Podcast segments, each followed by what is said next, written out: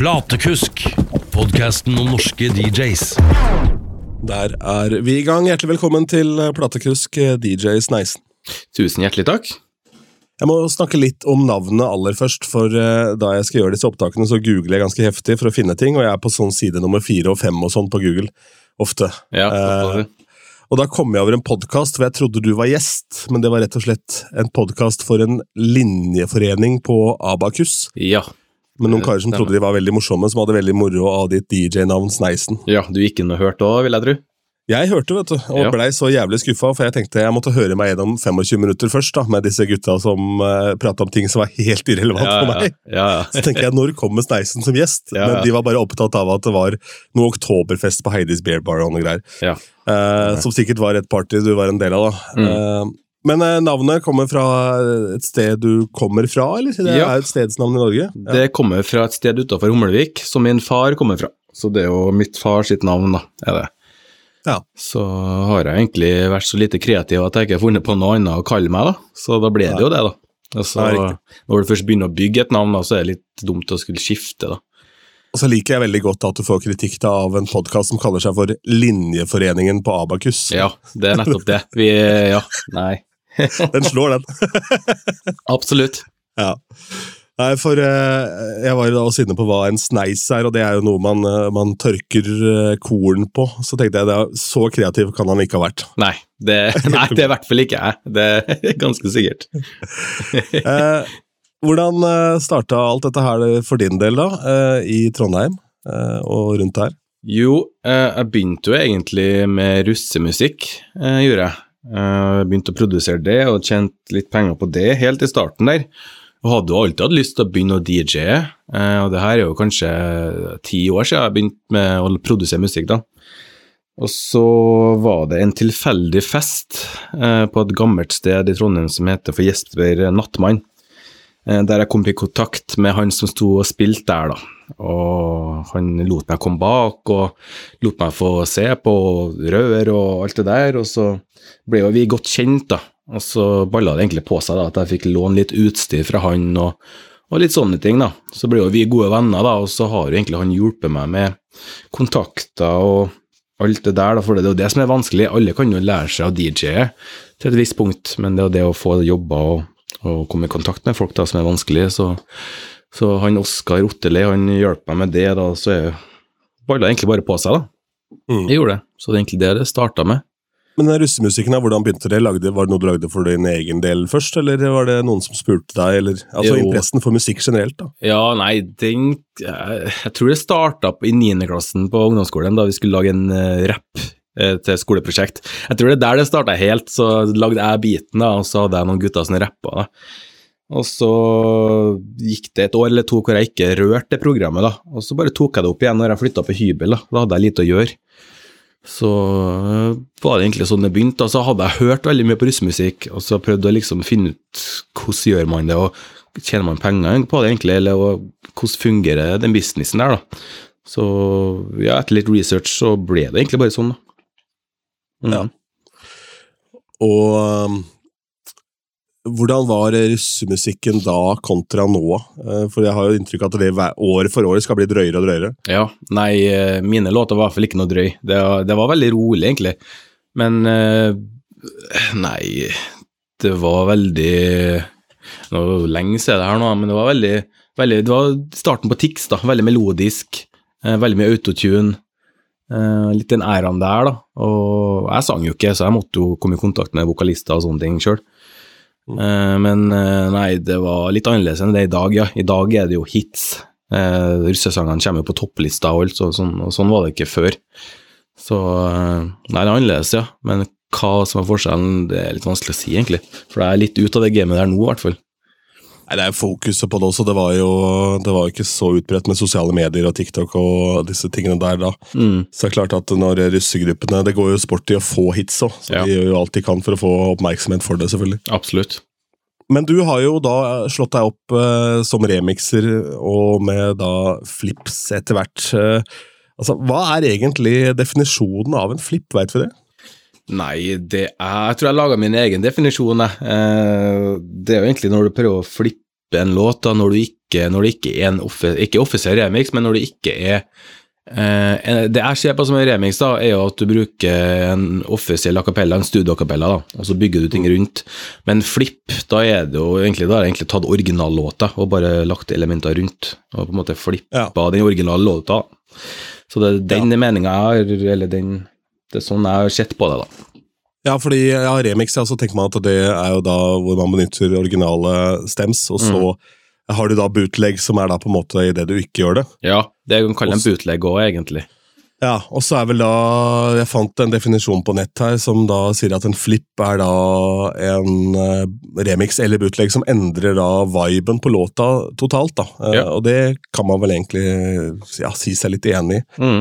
Eh, Og så har jeg hele tiden tenkt at en VIP-flip Ja. har vært da en personlig flip, altså en very important flip, da, altså Ja. at det er typen greier for deg, men det er en variation in production, står det her. Det er det VIP står for i denne sammenheng, da. ja. Eh, hvor da um, at den originale produsenten skrev originallåta eh, på en annen måte, og så er remixeren da har gjort om arrangementet på, på et vis, da. Mm. Ja, nei, jeg har ikke brukt den uh, VIP-flippen så mye, da. Jeg vet egentlig ikke hva det er, men Nei. jeg har jo en kompis som bruker det veldig mye, da. uh, uten Ja. at jeg har skjønt meg egentlig på hvorfor og hva, hva det Det høres jo kult ut, da. Ja, det høres veldig kult ut. Det høres ut som det er spesielt med den flippen, egentlig. men uh, hvordan begynte da remix-ideene? det kom ut av russemusikken igjen, da? eller? Nei, det kom egentlig etter at jeg begynte å DJ-e. Eh, Det var liksom mangel på å finne ut hvor skal man laste musikk, og spesielt norsk musikk, som funker ganske bra på en klubb. da. Så da tok jeg egentlig saken i egne hender da, og så lagde litt som jeg kunne bruke sjøl når jeg spilte. Og så eh, begynte jo folk å høre det her, og spurte liksom hva er det her for noe, og sånne ting. Og så endte opp med at jeg enten delte med folk, eller la det ut på SoundCloud. da. Og så ble det egentlig bare en greie, da. Jeg så jo at det ga, det ga klikk og streams og downloads og, og snakk, da. Snakk om meg. Så det har jo fremma min eh, DJ-karriere betraktelig, det, altså. Helt klart. eh, Det er jo en vei å gå for veldig mange. og jeg hører jo på litt utenlandske podkaster, og det er jo amerikanske DJs som var medlem av Crooklyn Clan i gamle dager, som ble booka på Asia-turneer ene og alene på bakgrunn av remixer de hadde liggende der, liksom. Mm. Så det var residency i, Asia og spilte da en, eh, en måned, måned der eh, i kvartalet eller et eller annet. da. Ja. Um, fordi de hadde liksom de kule remixene som ble spilt på klubbene der. Mm. Det, nå er jo det er ekstremt mange som remixer, så er det vanskelig å skille seg ut i mengden, men det er ikke så mange i Norge, strengt tatt. Nei, nå er det jo veldig mye, men eh, det er ikke så mye folk som gjør norske. Det ikke. Nei. Men uh, du har jo et par uh, liggende på Soundclouden din som har fått enormt med oppmerksomhet. da, Over millionen på We Don't Talk Anymore. Ja, det var Hva skjedde der, da? Jo, jeg vet ikke. Jeg tror det er noe, noe Kina-greier, for det er mye kinesiske kommentarer og sånn. Ja. Så det, det er nok noe sånt, men det er jo egentlig det første jeg la ut, tror jeg. Ja, det, så det er jo det gamleste, da. Så det er jo ganske Vanlig. Ja, For den og Finesse har jo også nesten 400 000. Ja, jeg, jeg aner ikke hva som har skjedd, faktisk.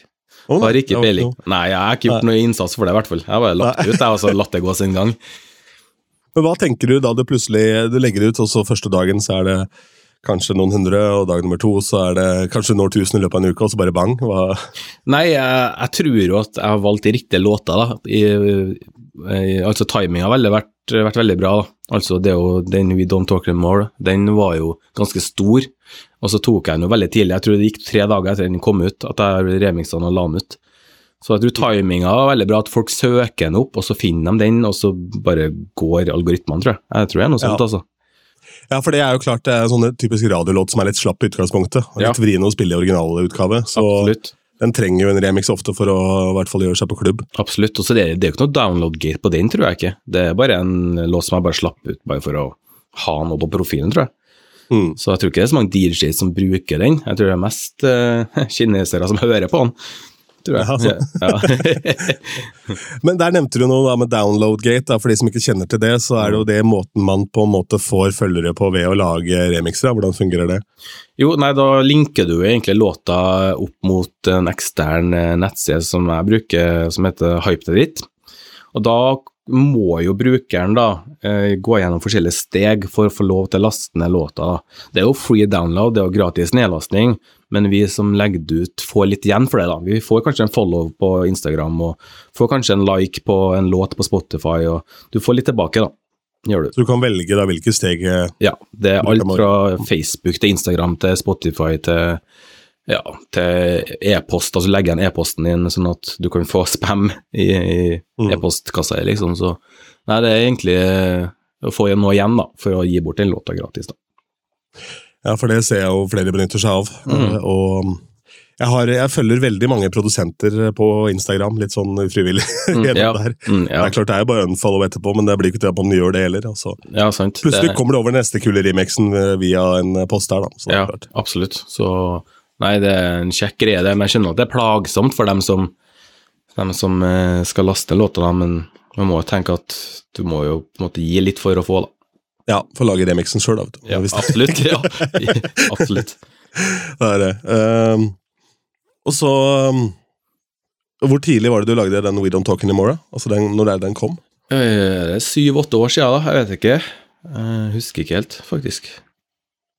Syv-åtte år siden. Etter hvert da så får du jo da bra fotfeste som, som DJ. altså Hvilke steder og type gigs er det du spiller?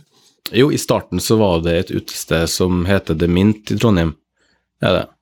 Og Der spilte jeg veldig mye eh, før Rekom tok over, da. Eh, jeg spilte vel der i tre-fire år, tror jeg.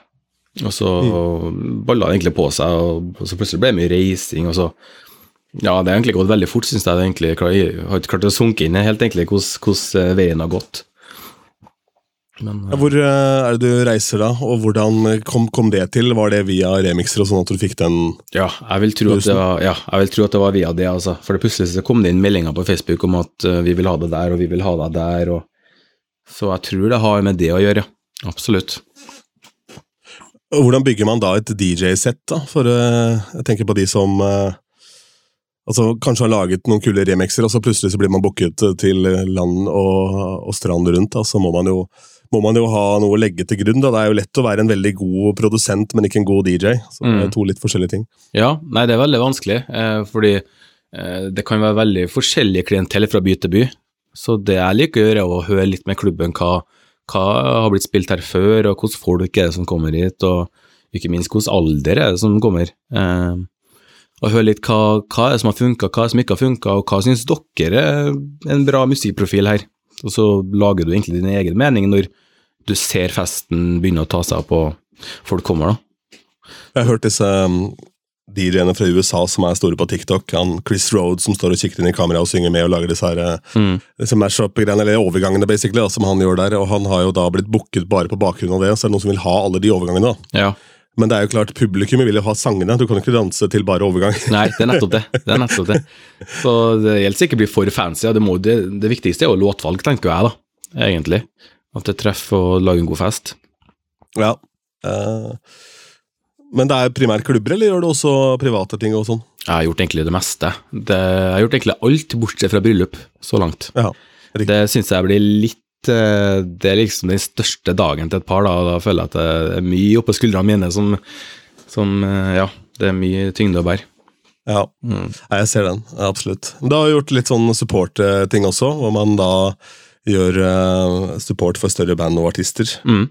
Hvordan eh, trer man inn i den rollen, da? Nei, det er egentlig bare å gi dem en eh, eh, Lage en god fest for dem, da. Altså start festen for dem. Det er jo ikke noe mye annerledes.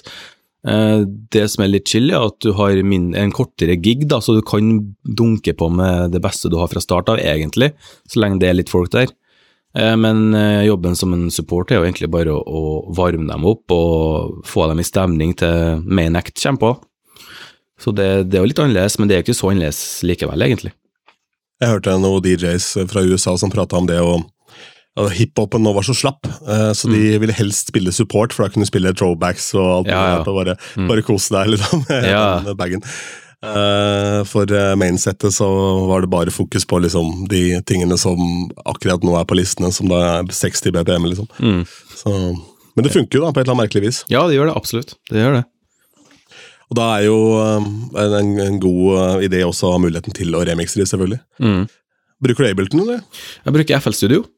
FL Studio? FL Studio. Ja, ja, eh, Og Gode gamle. Ja, gode gamle. Og det jeg starta med, var Det er mange som skifter, er det, men jeg har følt at når du kan et program inn og ut, så er det ikke noe poeng, egentlig. Nei, Det spiller ingen rolle så lenge det funker. Absolutt. Så nei, jeg har holdt meg til det, altså. Og det, det har blitt så mye bedre med årene. Mye bedre. Ja. Mm, det har Ja, det, ja. Det, når utvikla det seg veldig. Fruity Loops back in the day, så var det jo ikke ti av ti. Nei, nei, da så det veldig dårlig ut. Da det så ut som et gammelt eh, Snes eller Nintendo-spill, liksom, eller hva skal jeg kalle det. Så Ja. Nei, det har utviklet seg veldig bra. Ja, det har det. Ja, det er jo mange som bruker, eh, bruker det internasjonalt også, og Mm. lager mm. ekstremt fete ting i det, så det spiller egentlig ikke så mye rolle. Nei, det går an for alle, ja. Hva, hva er egentlig hemmeligheten bak en god remix, da, hvis du kan svare på det? Hva, altså, hva er det du legger til grunn når du skal lage en remix, og, og hvordan finner du ut hvilke låter du skal remixe eller flippe? Eh, godt spørsmål. Eh, det spørs jo egentlig litt Jeg ser jo veldig på topplistene og hva som er, hype om dagen, da. Eh, og ser det egentlig litt an sånn. Da sjekker jeg både den globale og den norske topplista sånn på Spotify og sånne ting, topp 50. Og ser han eh, Selv BPM, er det veldig lavt, eh, så er det egentlig Da vil Eller hvordan skal jeg forklare det, da? Er den veldig lav, så så bør jeg egentlig lage en, en mer en start, eh, startup-remix, en som du spiller i starten av settet, eksempel. Og er det en veldig høy BPM på den, så kan du ha en midset eller en, en eh, peak time-låt, da. Og så er det litt viben egentlig jeg ser på. Hva kan jeg tilføye som ikke er der fra før av? Egentlig litt vanskelig, det går egentlig på feeling, alt det der, føler jeg. Mm. Det, ja, egentlig. Tar alt på feelingen, egentlig. Det er jo gjerne hvis en låt blir en stor hit, men ikke nødvendigvis er veldig dansbar, da. Mm. Så er det jo Den skriker jo etter remix. eh, Ja, absolutt. Mm. Mm. Det er litt det, og det, er egentlig, det varierer veldig. Jeg sitter ikke egentlig ikke og tenker over hva, hva oppskriften hva bør jeg gjøre. Det går egentlig bare på feeling, har det i hvert fall gjort i det siste. Hva slags musikk liker du aller best selv, da? Jeg har vært, blitt veldig fan av afrobeats og sånn amapiano og sånn i det siste, har jeg. Mm. Absolutt. Jeg har spilt veldig mye av det ute og i det siste, og det funker veldig, altså. Det begynner å ta litt over, merker jeg. I Oslo er det ganske stort, og så ser jeg at det begynner å komme seg opp til Trondheim nå. Det er jo um, ekstremt dansbart alt sammen som kommer uh, ut av det. Så Mm. det er jo, og det har vært en trend andre steder ganske lenge, og det Mm. er jo Jeg tenker at det er en god retning, da, for da har man jo um, da har man i hvert fall dansbare låter å spille. Det var jo en periode med veldig mye emo-rapp og sånn som ikke egentlig fungerte da, i annet enn remix-setting. da. Ja. ja, det er jo rytmer, da. Og har du rytmer, så har du damene, skulle jeg til å si. Og så har du damene, så kommer guttene òg. Ja, Så det er egentlig ganske grei oppskrift, det er det. Enkel psykologi, det. Ja, absolutt. Så um, av uh, hva, hva var det da du begynte? Hva var det du elska å spille aller best da du starta? Eh, Det var Momaton, absolutt. Ja. Eh, litt, ja, litt rytmer, men med et litt fett dropp eh, Ja. i lav BPM der. Det var egentlig det jeg begynte å produsere òg, og slippe. Og det var egentlig helt i starten av remixer. Mm. Så det var Mombaton, ja. Eh, og så utvikla det seg egentlig videre til Tech House, og så har jeg egentlig vært på Tech House i det siste nå. Ja. Mm, Oppe i 125-126 der. Eh, Ja. Ja. Så så har jeg begynt å eksperimentere litt med tekno og sånn, da. Sånn eh, hypertekno og det som er ganske hype om dagen, da. Oppi 140-150 der. Ja, det er litt artig, for mm. nå er jo da eurodansen for alvor tilbake. Absolutt. Absolutt. Takk for det, Calvin Harris. Det var Ja, fint. ja, ja, litt den stilen der som jeg begynte å like litt, da. Ja. Så jeg føler at jeg er litt late to the party alltid. Jeg begynner å like ting etter alle andre, men eh, ja, det er Ja, det gir jo egentlig en slags mening òg, det, da, for det Mm. betyr jo bare at du er vanlig dødelig. Altså, Vi skal vel kanskje ligge litt foran i skoa, Ja, egentlig. egentlig, men uh, samtidig så er det jo sånn kurven ofte går for vanlig at man du har de early adapterne som er her, og så kommer alle den store massen i etterkant, da, Mm. som plutselig da catcher on på låten. Du kan jo se hvor lenge en sang kan ligge på Spotify-listene. Det er jo Mm. helt absurd liksom, Ja, ja, ja. hvor eh, lenge de kan være på topplisten. Ja. Enda verre før da man kjøpte musikk, fordi Spotify er vel drevet Det er primært eh, jeg tror det er primært tolvåringer som driver de, eh, de topplistene. ja, det er det. eh, de unge strømmer det helt enormt mye mer ikke sant, enn voksne mennesker. Mm. Så man kan ikke ta det helt til, for god fisk, da, det som er der sånn i forhold til folk som har lov til å gå ut. Ja, du har jo badebussen som et eksempel der, da. Ja, Mm. Men det var faktisk veldig pussig, for den fikk jeg første ønskelåt på i et bryllup jeg spilte. ja, eh, det. langt inn i en låve i skogen, eh, hvor de ville ha badebussen. Ja. Og da hadde ikke jeg hørt sangen, så jeg måtte kjøre den via Tidal. da. Ja. Og tenkte liksom hvor skal jeg slenge den inn, og så Jeg syns jo den var jævlig cheesy og alt mulig, men den, han sitter jo. Ja, den gjør jo det. Og så har de gjort en uh, formidabel jobb med å ha en ordentlig godt animert video laget av de som lagde Knerten og sånn, ikke sant. Så det Mm. var jo peiling. Ja, det er bra gjennomført. Ja. Det er jo han Anders Nilsen som har gjort Ja. både eh, Mads Hansen sin, sin låt og ja, mye andre Ja. store hits. Salsa tequila. Ja, den, ja. ja. ja. Så jeg veit hva de holder på med. Så, og så er det noen sånne som varer, da, også som blir verden. Jeg veit ikke om Badebussen kommer til å være en låt du spiller om ti år. Nei, det tror ikke jeg heller, egentlig. Nei. Hvor mange sanger er det egentlig som kommer nå man kommer til å spille om ti år? Det er spørsmålet. da. Ja, du har jo sikkert den David Guetta-låta da, som har gått eh, på topplistene hele tida. Den eh, som jeg ikke husker i farta hva den heter. Den som tar Blue. Ja, det er Blue, ja. Eller Blue. Ja. Mm. Den går vel sikkert uh, lenge, tror jeg, men uh, vanskelig å si, ja. Hva Ja. som blir værende. Det er noen, uh, noen som vel kommer til å overleve, men ja, Kamelen er jo spennende sånn sett. at den Krem de la Krem har jo spilt i nå flere år, og den slår jo hele tiden. liksom. Absolutt. Det var helt sjokkende. jeg så at den var fra 2001. Eller, shit, pommes frites. Jeg har kjørt kjørt Ja. så lenge. Ja. ja. Men ja, det nevnte du vel, at du får konkrete bookinger på bakgrunn av remixene dine, og at eh, det er eh, en måte som skaper vei. da. Hvor stor forskjell er det på de forskjellige landsdelene når du har reist rundt og spilt? I forhold til, Kan du si noe om det? Ja, jeg syns det er stor forskjell. Eh, Jeg har vært et par turer oppe i nord der, eh, både Harstad, Narvik og Hammerfest, og det er noe helt annet enn å være i Trondheim og Oslo og Bergen og Ja, det er noe helt annet. Og hva som er helt annet, det, det er litt vanskelig å si, altså. Det er bare en helt annen vibe. Det er jo litt eh, annerledes vibe. Klubbene er jo litt mindre, som sagt. Det er mindre folk der. Det er eh, annen type folk. De vil ha litt annen type musikk. De vil ikke ha den eh, harde klubben, føler jeg. De vil heller at du kjører litt mer originalt, Ja. egentlig. Eh, men ja, helt annen vibe. Og så er det fasilitetene er annerledes òg, da. De legger kanskje ikke like mye i klubben som det gjøres i Oslo og Bergen og Trondheim. Og. Det går jo på budsjett og sånn, det Ja. selvfølgelig. Og så hva folk er vant til òg. Hvis ikke du er vant til eh, konkurransen i Oslo, Bergen og Mm. Trondheim, er jo noe helt annet Mm. eh, enn eh, Ja, kanskje ikke Tromsø, det er jo en storby, men eh, når man kommer til Harstad og Hammerfest, så er det jo noe annet. Ja, det, det er nettopp det, så så det er ikke noe, det er ikke noe klaging eller sånn. Det, det er jo sånn det er, bare. De trenger jo ikke gjøre noe mer for å, for å holde klubben ved, ved like og gående, skal jeg til å si. Hvor mye tid bruker, bruker du på å preppe en giga, sånn før eh, å sette deg ned for å ikke ende opp med å gjøre det samme som du gjorde forrige kvelden? Du, jeg prepper veldig lite, for jeg tar alt på sparket, gjør jeg. Ja. Faktisk. Eh, jeg liker det. Jeg liker å, å møte opp og se an, høre litt med dem som jobber dem som driver, og så, eh, ja, som sagt, se an, da, folket. Ja. Se viben, og det, det føler jeg egentlig er ganske smart, for det, det er jo forskjellig overalt, det er det jo. Men, det, men det må jo bety at du da har en, en bra struktur på, på crates eller mapper og Ja. spillelister. At du Mm. har full kontroll på det, og Ja. veit hvor du skal ved neste låt. Ja, sånn sett så prepper jeg ganske bra sånn sett, ja. Men jeg prepper veldig lite til spesifikke steder, da. Ja. Så jeg sitter og prepper hele tida sånn sett, da. Men eh, ikke noe til spesifikke gigs, gjør jeg ikke. Med mindre det er noe store greier, da. Kan du si noe om regimet du bruker? Altså, spiller du på recordbox eller Serato? eller? Eh, Recordbox. Ja. Mm. Og altså, spillelisteregimet, altså, hvordan har du lagt det opp? Jeg har lagt det opp eh, i to deler. Eh, ene delen er, er satt opp etter, eh, etter eh, sjanger. Sjanger og litt vibe, og så andre delen er venues, da. Ja. Mm, så jeg har venues òg, men det er på de eh, venuesene jeg spiller mest på, så der jeg har ja, veldig god erfaring. da. Men jeg har delt opp uh, penna mi i to, ja, sånn sett, da. Mm. Ja.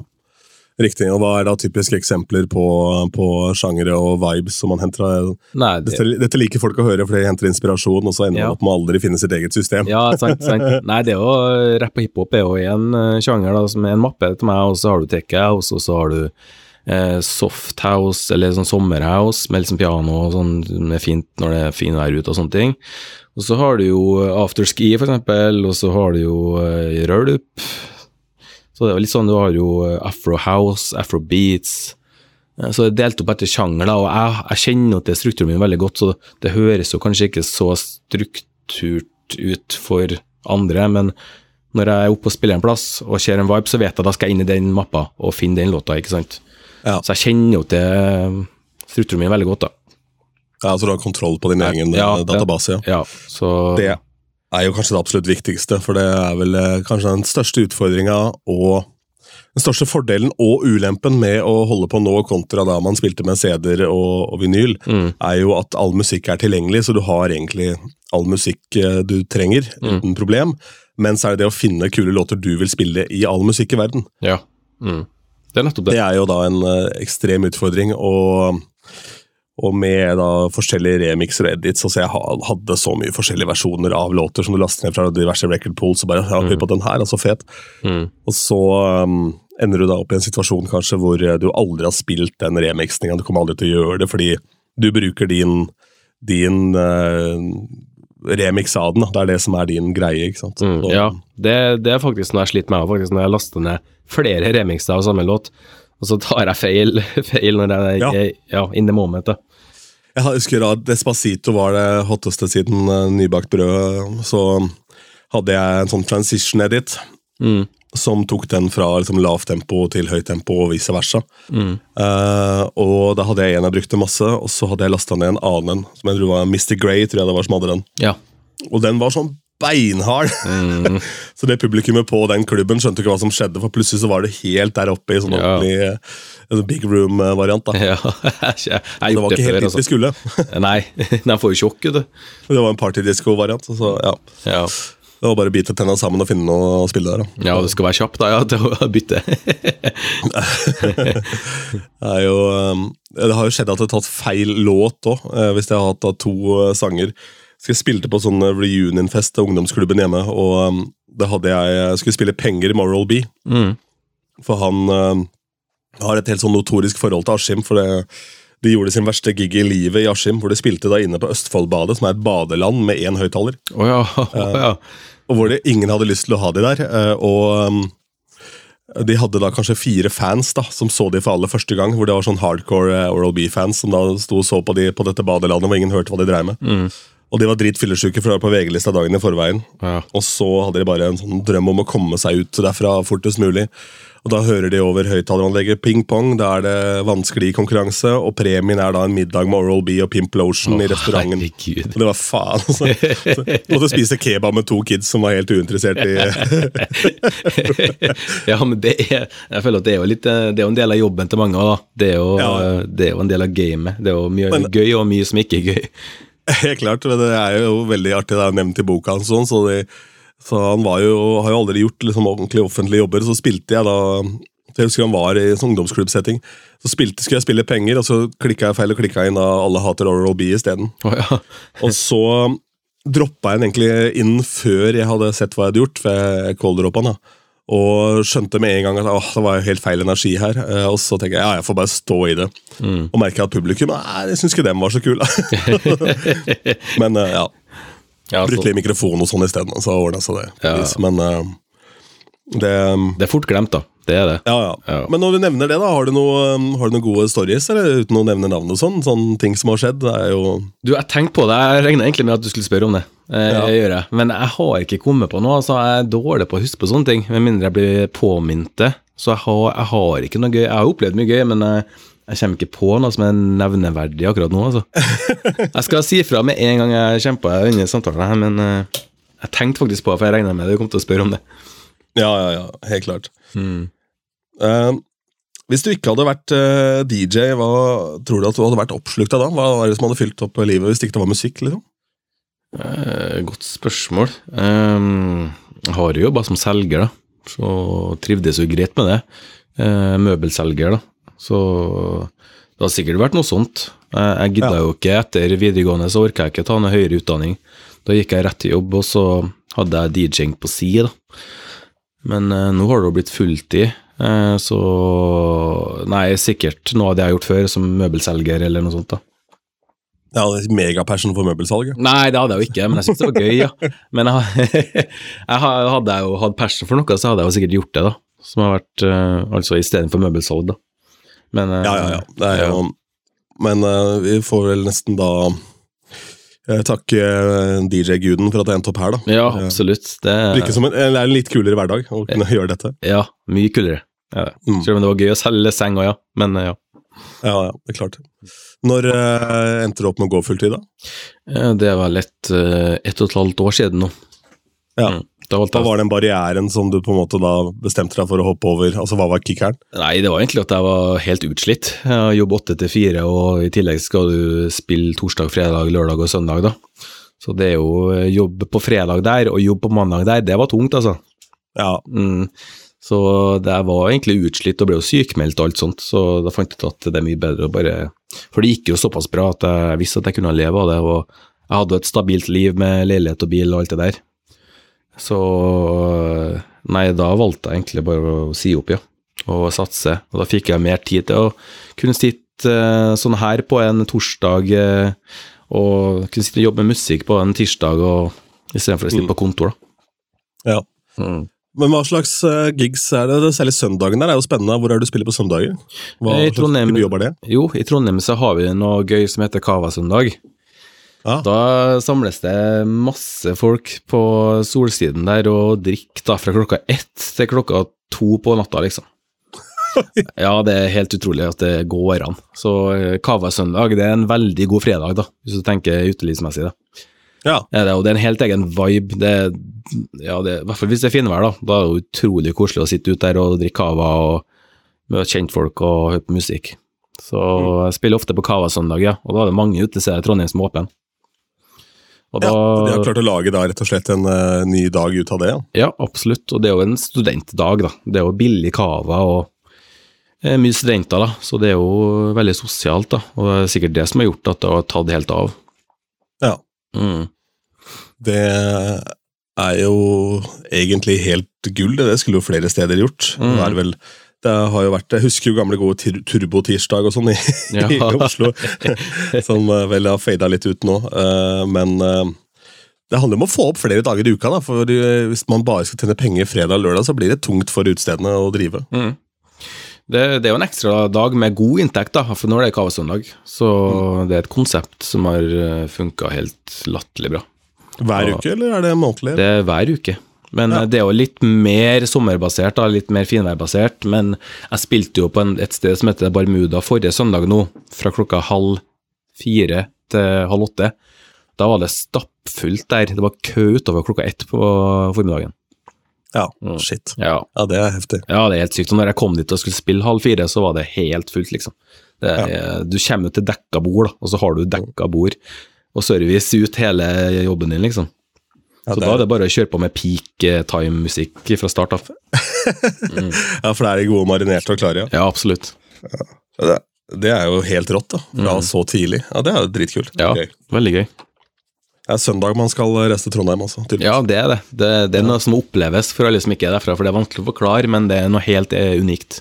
Mm. Mm. Kult. Hva, eller hvem er det som inspirerer deg? Ja? Hvem er det du har som eh, ledestjerner i det du holder på med? Altså Hvilke DJs eller produsenter er det du ser til? Det har egentlig vært mange forskjellige opp igjennom. Eh, Det starta jo som alle andre med Avicii, da. Gjorde det jo. Ja. ja, det var derfor jeg begynte å produsere.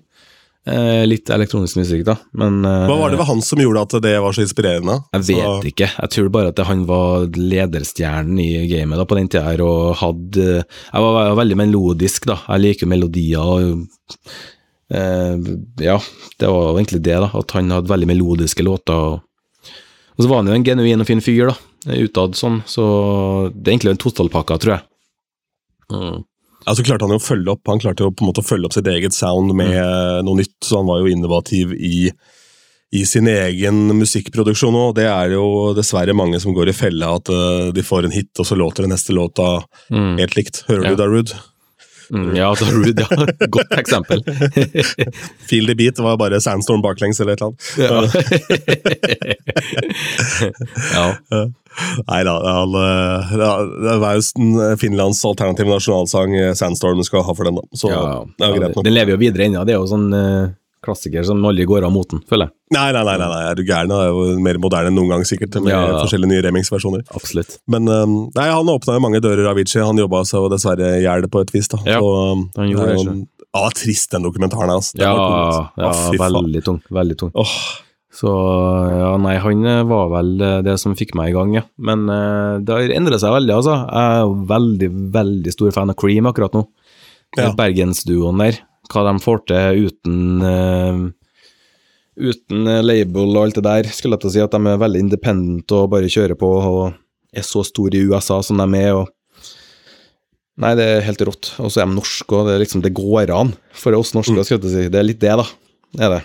Ja, For vi har ligget veldig bak, altså fram til eh, bergensbølgen kom for alvor. da. Mm. ja, hva er det i vannet i Bergen? Altså Det er jo der Ja. det popper opp som paddehatter hele gjengen. Ja, ja. helt vilt. Det er nettopp det. Jeg må flytte dit, skulle jeg til å si, og prøve å finne ut av det. Jeg vet ikke om det går, jeg, for jeg tror kanskje du må være sånn erkebergenser for at det skal fungere. Garant, garantert.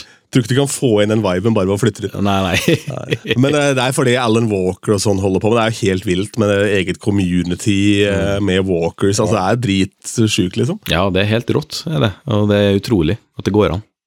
Ja, det er morsomt og inspirerende. Og Kult å se på. Og så har vi jo da andre enden av skalaen, sånn som eh, David Guetta, og sånn, som vel ikke slapp sitt første album før han var 35 år. eller noe sånt, Så det er aldri for seint. Du kan Nei. jo da Han eide jo klubber og sånn i eh, Frankrike. han. Ja, han var jo veldig stor DJ, han var han jo på den tida. Ja, Han spilte jo vinyl og scratcha og holdt på. han. Så, så begynte han da for alvor å produsere da i voksen alder, og nå er han da igjen nummer én på den DJ Mag-lista. Ja. Og Mm. Går vel det kanskje ikke nødvendigvis så mye på å være DJ, men Nei, det er totalpakka, vil jeg tro, ja.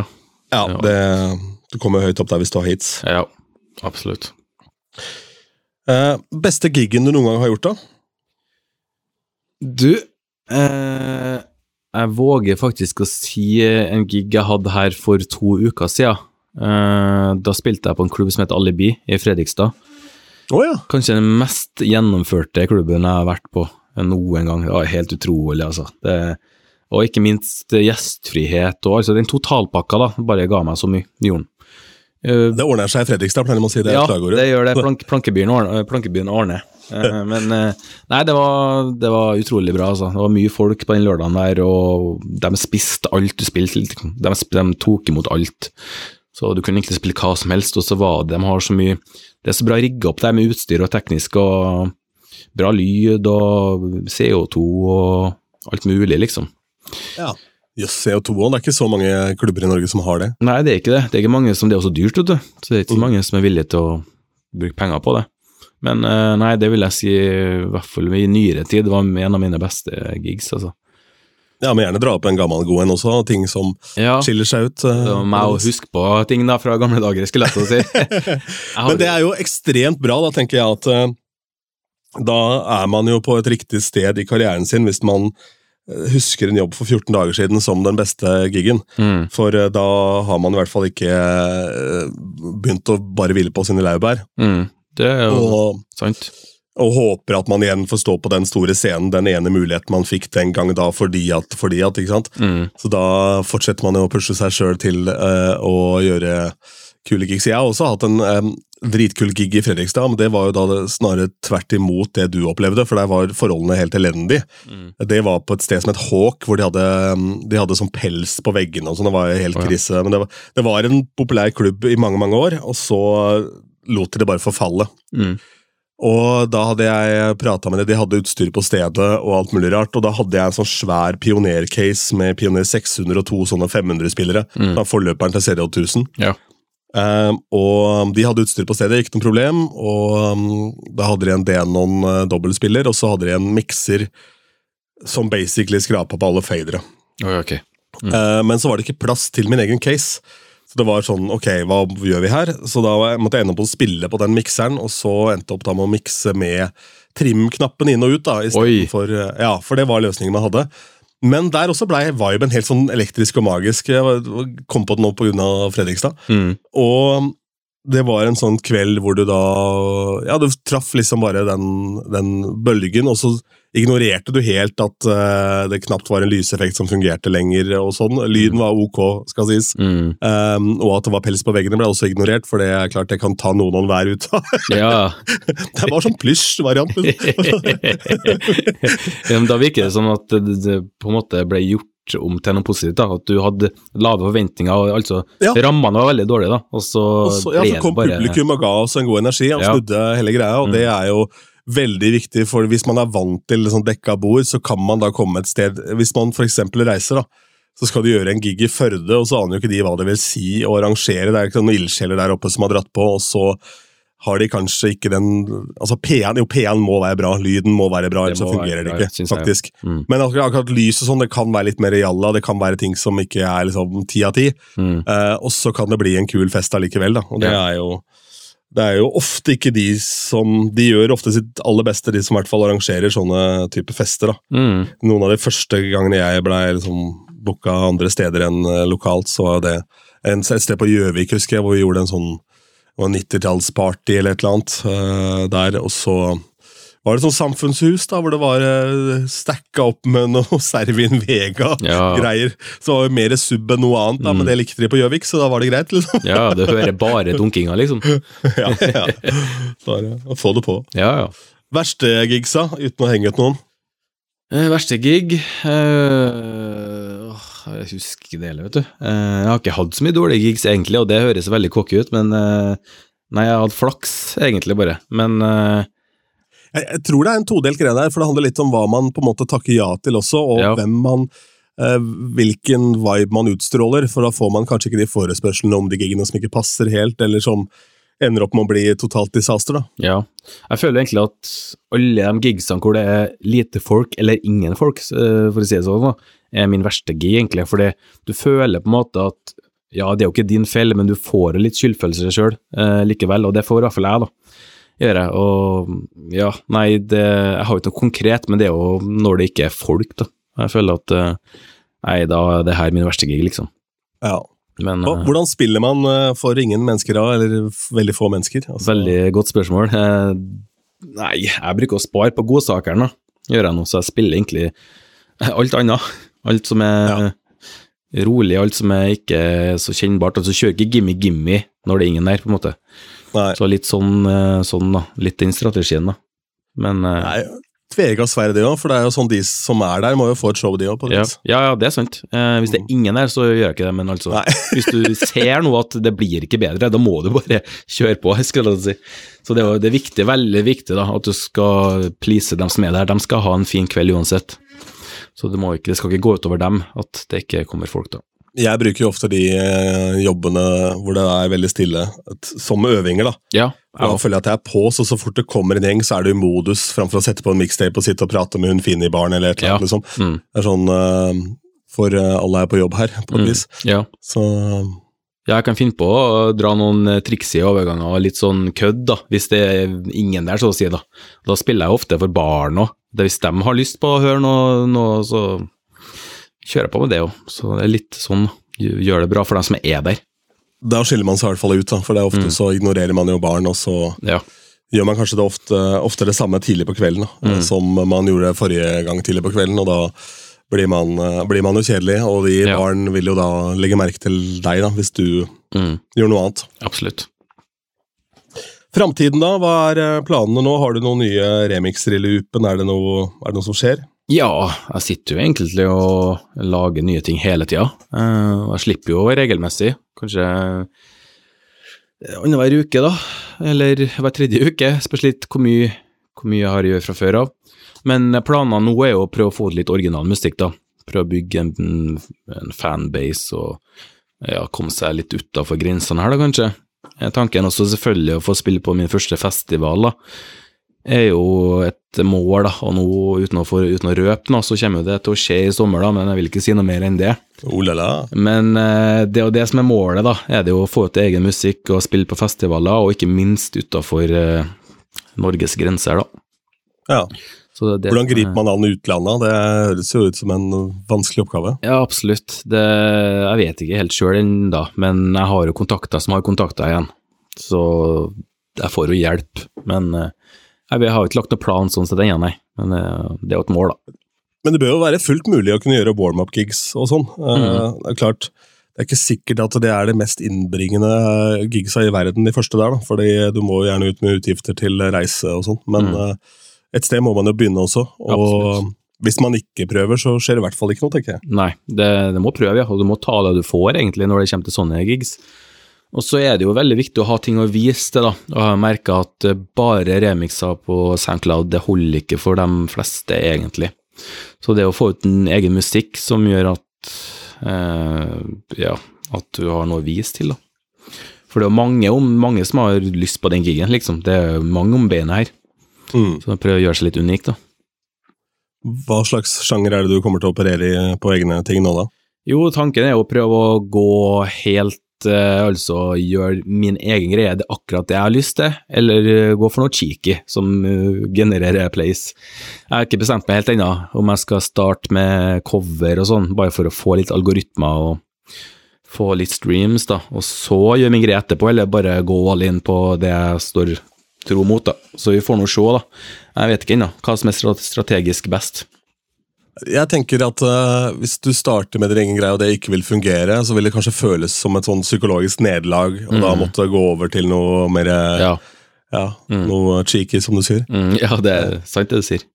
Og så er det kanskje vanskelig å gjøre det i et dobbeltløp også, for da vil jo i hvert fall ikke dine egne ting få noe oppmerksomhet hvis du har en cover av en kjent låt der. Eh, Men ja, spennende uansett, da, og det er jo uten tvil det som er greia om dagen, er jo å lage cheeky versjoner. Det er jo det, det, er jo det du gjør hele gjengen. Ja. Så Det er det. Før så var det, var det noe som som de mer eh, cheesy produsentene gjorde, mens nå gjør alle det. Mm, ja. Du vet at Tiesto og hele gjengen holder på med det, liksom. Ja, ja, de gjør det. Så nei, det, det, det heller jo mest mot det, da.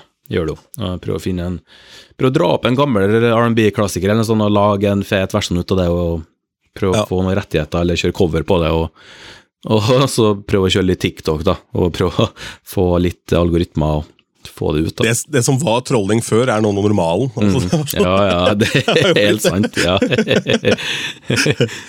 Ah, Så ja, nei, vi får se. Um, ja. Kult. Mm. Ja, men det blir spennende. Det er uh, uansett så eh, gjenkjennbare ting. Og, og jeg tror nå at man må sette strek over når musikk kom ut, egentlig. Fordi TikTok uh, særlig, da, og, og reels hjelper til at unge mennesker de oppdager musikk fra hvilken som helst uh, tiår, hvilken som helst sjanger som de syns er kult. Mm. Uavhengig av når de kom ut. Da. Så det er en sånn greie som jeg tenker mye på. Jeg spilte for, for var fem menybutikker som hadde julebord nå i helgen som var. Mm. Og med unntak av én ønskelåt Her var det noen som, eh, ei som ønska seg Rihanna, og så var det ei som ønska seg en russelåt. Mm. Og så var alle andre ønskene ABBA. Ja. Og her var gjennomsnittstallet på 22 år. ja, jeg vet, det er helt utrolig.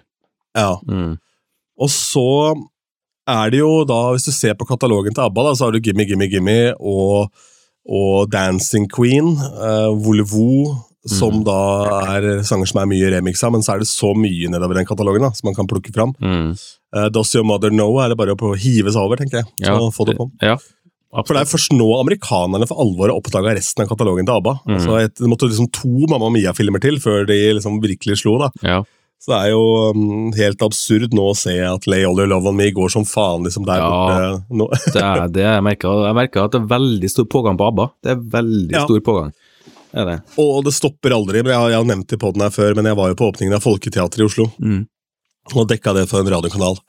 Og um, det var uh, da Petter Stordalen og Kristian Ringnes som hadde da dratt i gang i Folketeatret for, for igjen der.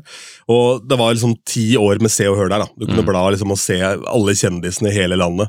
Men idet Bjørn og Benny kommer inn i lokalet for å stå for den offisielle åpningen, så er det akkurat som temperaturen synker med tre hakk. Oh. Det er akkurat som om hele stemningen i rommet endrer seg samme med hvem du er, hvor mye penger du har, for nå er det pop royalty i huset. da. Mm. Og de to gutta var de mest chille i hele verden. liksom. Ja, skal du ha det? Skal du ha det? Nei, de bare fuck off, få et glass vann, så kan vi kjøre her, liksom. Så de eh, bryr seg ikke om det, men eh, det er et eller annet med det å gjøre det, eh, å skape en hit og gjøre det uten at den hiten egentlig er, eh, er cheesy. da. Mm. Eh, Så gjorde de det 40 ganger. Altså De har 40 sanger som du kan den neste linja på hvis du hører den første. liksom. Mm. Det er ganske imponerende. Ja, det er veldig Når du- imponerende. Når du har et ABBA Gold, og så kan du gi ut en ABBA Gold 2. Mm. Ja. ja. Det er vilt. ja. Det det. Men jeg så han eh, bakmannen til Boney M gikk bort her. Han Farina, eller Farin, eller hva han heter. Å, eh, som også vel gjorde mye av det samme.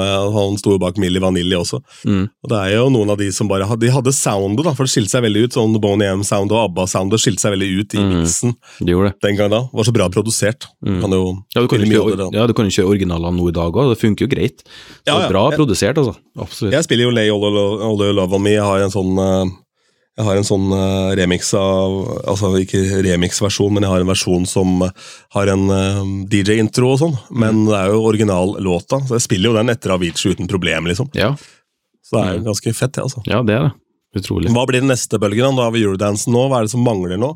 Du, det er hva, hvor tror du musikken går nå? Altså Det kan vi jo prate litt om sånn på tampen der. Altså du, Hvilken retning tror du eh, det neste hitlåtene går? For nå har vi jo hatt veldig mye sånn Balenciaga, jeg kaller det for sånn testopop. mm. Eh, For jeg opplevde en afterski i fjor, i påsken, hvor hele dansegulvet er stappa fullt, og det er ikke én jente der, det er bare gutter som slår seg på brystet liksom dunker brystkassen Mm. inntil hverandre, Ja. og skriker og pepper hverandre opp eh, til liksom Balenciaga og den bagen der. ja.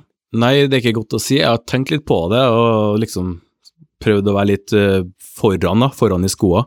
Men uh, jeg tror at vi bare går opp i BPM nå. Jeg gikk jo fra Tekka og opp til dere hypertechno, eller Eurodance som du kaller det. da. Men jeg tror vi skal opp på drum and bass her nå, neste, faktisk. Ja, Mm. Jeg tror faktisk det, når du hører dere Badadan og alt det der da, som har kommet fra UK, jeg tror vi skal opp dit, altså, som neste steg, Mm. faktisk. Men uh, vanskelig å si, så det kan jo hende at det kommer en helt ny sjanger òg. En blanding av masse forskjellig. Ja, for uh, den siste låta til eh, Tiesto, den var sammen med Var ikke det Disclosure? Jo. Det er Rudimental, Ja. eh, stemmer. Mm. Som er drum and bass act. Ja. Mm. Litt Så er softere drum and bass, det er ikke så hardt som det var Ja. før. Sånn gamingmusikk, liksom. Ikke Ja. sånn, men uh, det er litt softere. ja, ja. Ja, for det er ikke noe tvil om det at det er absolutt en vei å gå. Da blir det interessant å være DJ, tenker jeg. Da, Mm. Da er nok mange som også da faller av lasset litt, fordi Ja. du skal henge med på den biten der. Mm. Så men i UK er det spennende. Jeg har alltid vært fan av garage og sånn. Alltid Ja. likt den, altså den, den grooven altså der. Mm. Eh, Og de harde, harde beatsa. Så det er um, håper, eh, håper du har rett. Um, Ja. Så håper jeg ikke at det bare ender opp i sånn happy hardcore-variant med 160 BPM. Ja, det, det vil ikke jeg heller. I det hele Point tatt. is mine tag. Ja. ja, nei, jeg håper vi heller går mot eh, den Tiesto, den stilen der, da. Ikke så Ja. blodhardt, men den, de trommene og litt sånn. Litt den Ja, absolutt. Mm. Helt enig. Veldig kult. Eh, Du, takk for eh, praten. Eh, Jo. Sånn helt, helt til slutt så tenkte jeg å ta et par sånne kjappe musikkspørsmål. Altså, hva, hva, hvilken låt er den beste du spiller om dagen? Hva er det du syns er kulest å slippe? Hva er liksom peak oh. låta om dagen? Jeg Tenker du remix, eller bare hvordan Spiller ingen rolle. Nei. Eh, godt spørsmål. Jeg vet egentlig ikke.